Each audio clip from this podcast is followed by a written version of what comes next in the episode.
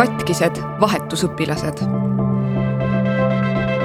Emma näljutamisest ülesöömiseni. Emma läks vahetusaastale sooviga langetada kaalu ja saavutada elu parim füüsiline vorm. ta hakkas end näljutama. kui see loodetud tulemust ei toonud, asendus kalorite piiramine ülesöömishoogudega. Emma, kutsume teda selles loos nii, on võistlussportlane ta on kümme aastat tegelenud tantsimisega, proovinud erinevaid stiile, kuid jäänud püsima diskotantsule. seda iseloomustavad säravad kostüümid, uhked soengud ja silmapaistev meik, rohkelt pöördeid ja kõrged hüpped. kohati on tants nii hoogne, et võhikul läheb jälgides silme eest suisa kirjuks. Ka Emma on sätendavas kostüümis vallutanud tantsulavasid ning hullutanud publikut oma pakatava energia ja pööraste trikkidega glamuurse tantsimise taga peitub aga võitlus toitumishäirete ja oma kehakuvandiga. kahe tuhande kaheksateistkümnenda aasta suvel, veidi enne vahetusaastale sõitmist, osales toona seitsmeteistkümneaastane Emma sportvõimlemise laagris. selle nädalapikkuse laagri jooksul tahtis ta ära õppida täispöördega tahasalto. Proovis ja proovis ning oli õnnestumisele väga lähedal, kuid välja ikkagi ei tulnud ma jõudsin hästi lähedale. aga ma ei teinud seda ära ja ma olin tohutult vihane enda peale, räägib Emma. ta vaatas kadedusega kõrvalt, kuidas trennikaaslased, kes pealtnäha kaalusid temast vähem, suutsid harjutuse ära teha. ka treener soovitas tal korduvalt kaalu langetada. Emma arvab tagantjärele, et treeneril oli õigus. Hiljem, kui kehakaal oli langenud, suutis ta ka ihaldatud salto ära hüpata kuid treeninglaagri negatiivne mõju Emma suhtele oma kehapildiga oli suur. laager andis tõuke toitumisprobleemidele. seal laagris käis klikk ära, et ma olin ju varasemaltki üritanud kaalu langetada, aga täiesti edutult. siis mõtlesin, et võta kokku ennast ja võta need kilod alla. ma üritasin seda saavutada toitumisega, meenutab ta. kultuurilised erinevused mõte vahetusaastale minna tuli sõbrannalt, kes ka ise samal aastal välismaale elama läks. Emma valik langes lõpuks Taanile. ta lootis, et talle leitakse pere Kopenhaageni läheduses, kuid ta sattus hoopiski Taani keskossa, tööstuslinna Ranersisse. Ranersis olid küll võimalused tantsimiseks, kuid need polnud Emma jaoks piisavad. Tema tase ületas kohalikke oma mäekõrguselt. trenn on tema elus alati tähtsat rolli mänginud ka peamised sõbrad on ta saalist leidnud. lisaks olid tal ootused endale, täpsemalt oma kaalunumbrile. ma mõtlesin, et ma lähen nüüd vahetusaastale, võtan kümme kilo alla ja tulen tagasi elu parimas vormis. aga teadagi võetakse vahetusaastal hoopis kaalus juurde. Vahetusperesse kuulusid ema, isa, kolmeteistaastane noormees ja viieaastane tüdruk tegelikult oli vanematel veel üks poeg, kes oli sel ajal ise vahetusaastal USA-s. Emma oli justkui ühe poja asendus. ja nii teda koheldigi. mida aeg edasi, seda enam hakkas ta mõtlema, et miskit on mäda. vahetusema vihjas, kuidas pojal käisid pidevalt sõbrad külas.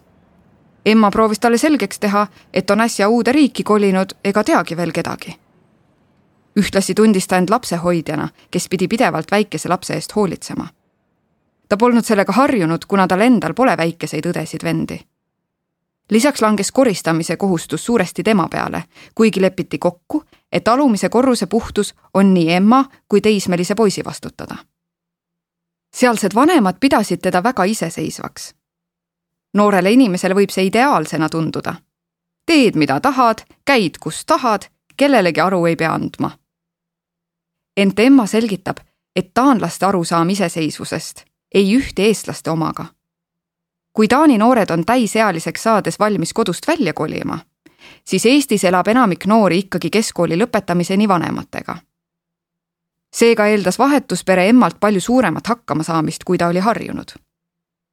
Trennis ja koolis käis ta peamiselt jala või rattaga. kuigi ema oli kodus, ei sõidutanud ta emmat autoga ühest kohast teise, ka siis mitte kui ilm oli trööstitu ja vihma ladistas. trennist koju jõudis ta alles hilisõhtul. emmale tundus, nagu vanematele ei läheks ta heaolu korda. keeleoskamatus sundis vaikima. emma tuba asus teistest eemal keldrikorrusel, mis on Taanis küll tavaline, kuid tekitas temas eraldatuse tunde. pereema tunnistas, et nad võtsid emma aastaks enda juurde elama muuhulgas selleks, et nende teismeline poeg saaks inglise keelt harjutada. temaga ei olnud emmal aga millestki rääkida. poiss istus enamasti arvuti taga ega olnud eriti aldis suhtlema. vanematega oli täpselt vastupidine olukord. Nemad oleksid palju rohkem emmaga vestelnud, kuid ta ise ei jaksanud pidevalt lobiseda. Taanlased on emma hinnangul eestlastest palju jutukamad oli kordi, mil ema ise tuli mulle kuidagi ründavalt ütlema, et sa oled nii vaikne. et sa võiksid rohkem rääkida. sinuga on nii raske, kirjeldab emma. suhtlust raskendas ka keelebarjäär, sest tema taani keele tase ei olnud piisavalt hea, mis omakorda tähendas seda, et ta tundis end ebakindlalt ja vaikis rohkem. teine valik oli kasutada inglise keelt, mis aga takistas taani keele harjutamist. keelega oli raskusi ka koolis seal ei eeldatud temalt kui vahetusõpilaselt väga midagi. näiteks ei pidanud ta esitama mahukaid kodutöid. ta proovis tundides kaasa teha nii palju kui võimalik, aga õpe toimus taani keeles, nii et Emma ei saanud kõigest aru, eriti alguses. klassikaaslaste jutud keerlesid enamasti koolitükkide ümber, millest Emma oli vabastatud, mistõttu oli tal raske teistega ühist jututeemat leida. Kui sa midagi ei tee siis sul ongi hästi keeruline vestlusesse sisse sulanduda, ütleb ta. näljutamine asendus ülesöömishoogudega. nii koduste kui ka kooliraskuste taustal oli veel sünge murepilv. toitumisprobleem. vahetuspere ei märganud emma toitumises mingit muutust. seda, et ta oma söömist kontrollib ja piirab, pidasid nad pigem tervislikuks eluviisiks väga sildistatud on tegelikult meie ühiskond niikuinii.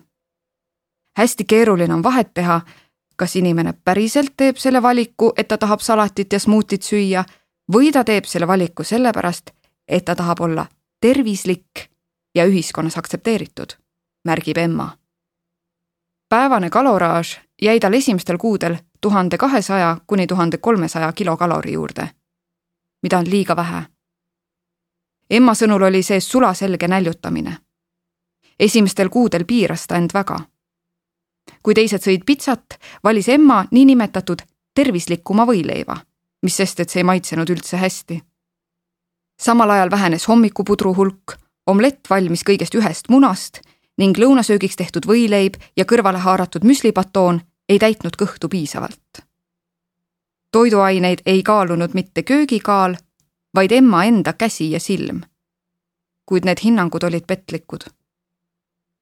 üks äärmus asendus teisega ning näljutamisest said mõne kuu möödudes liigsöömishood. esimene neist oli tema sünnipäeval, septembri keskel, kui emma viis koolikaaslastele kooki. ma ise sõin ka seda. ma sõingi umbes kaks-kolm tükki. Siis mul tekkis juba paanika, et ma tean, et ma olen üle söönud, meenutab ta. olukord läks kehvemaks novembris, kui ilm muutus halvemaks ja õues oli pime. oli hästi palju näksimist, mida soodustasid pere toidukapid, kus leidus suurtes kogustes soodukatega ostetud krõpsupakke, jäätiseid, limonaade, küpsiseid ja muud magusat kraami. kõike seda ahvatlevat hoiustati emma kõrvaltoas. Nii et snäkid olid pidevalt käe-jala juures ega näljutamisega kaal drastiliselt ei kukkunudki. kõigest paari kilogrammi võrra. see-eest tervis sai kõva hoobi. selles mängis rolli ka vähene liikumine võrreldes emma senise elu ja aktiivsusega.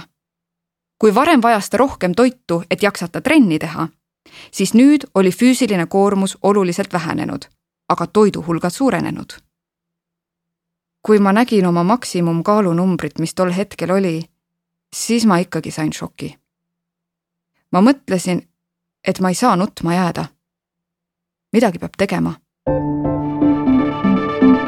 suured elumuutused. jaanuaris vahetas Emma peret.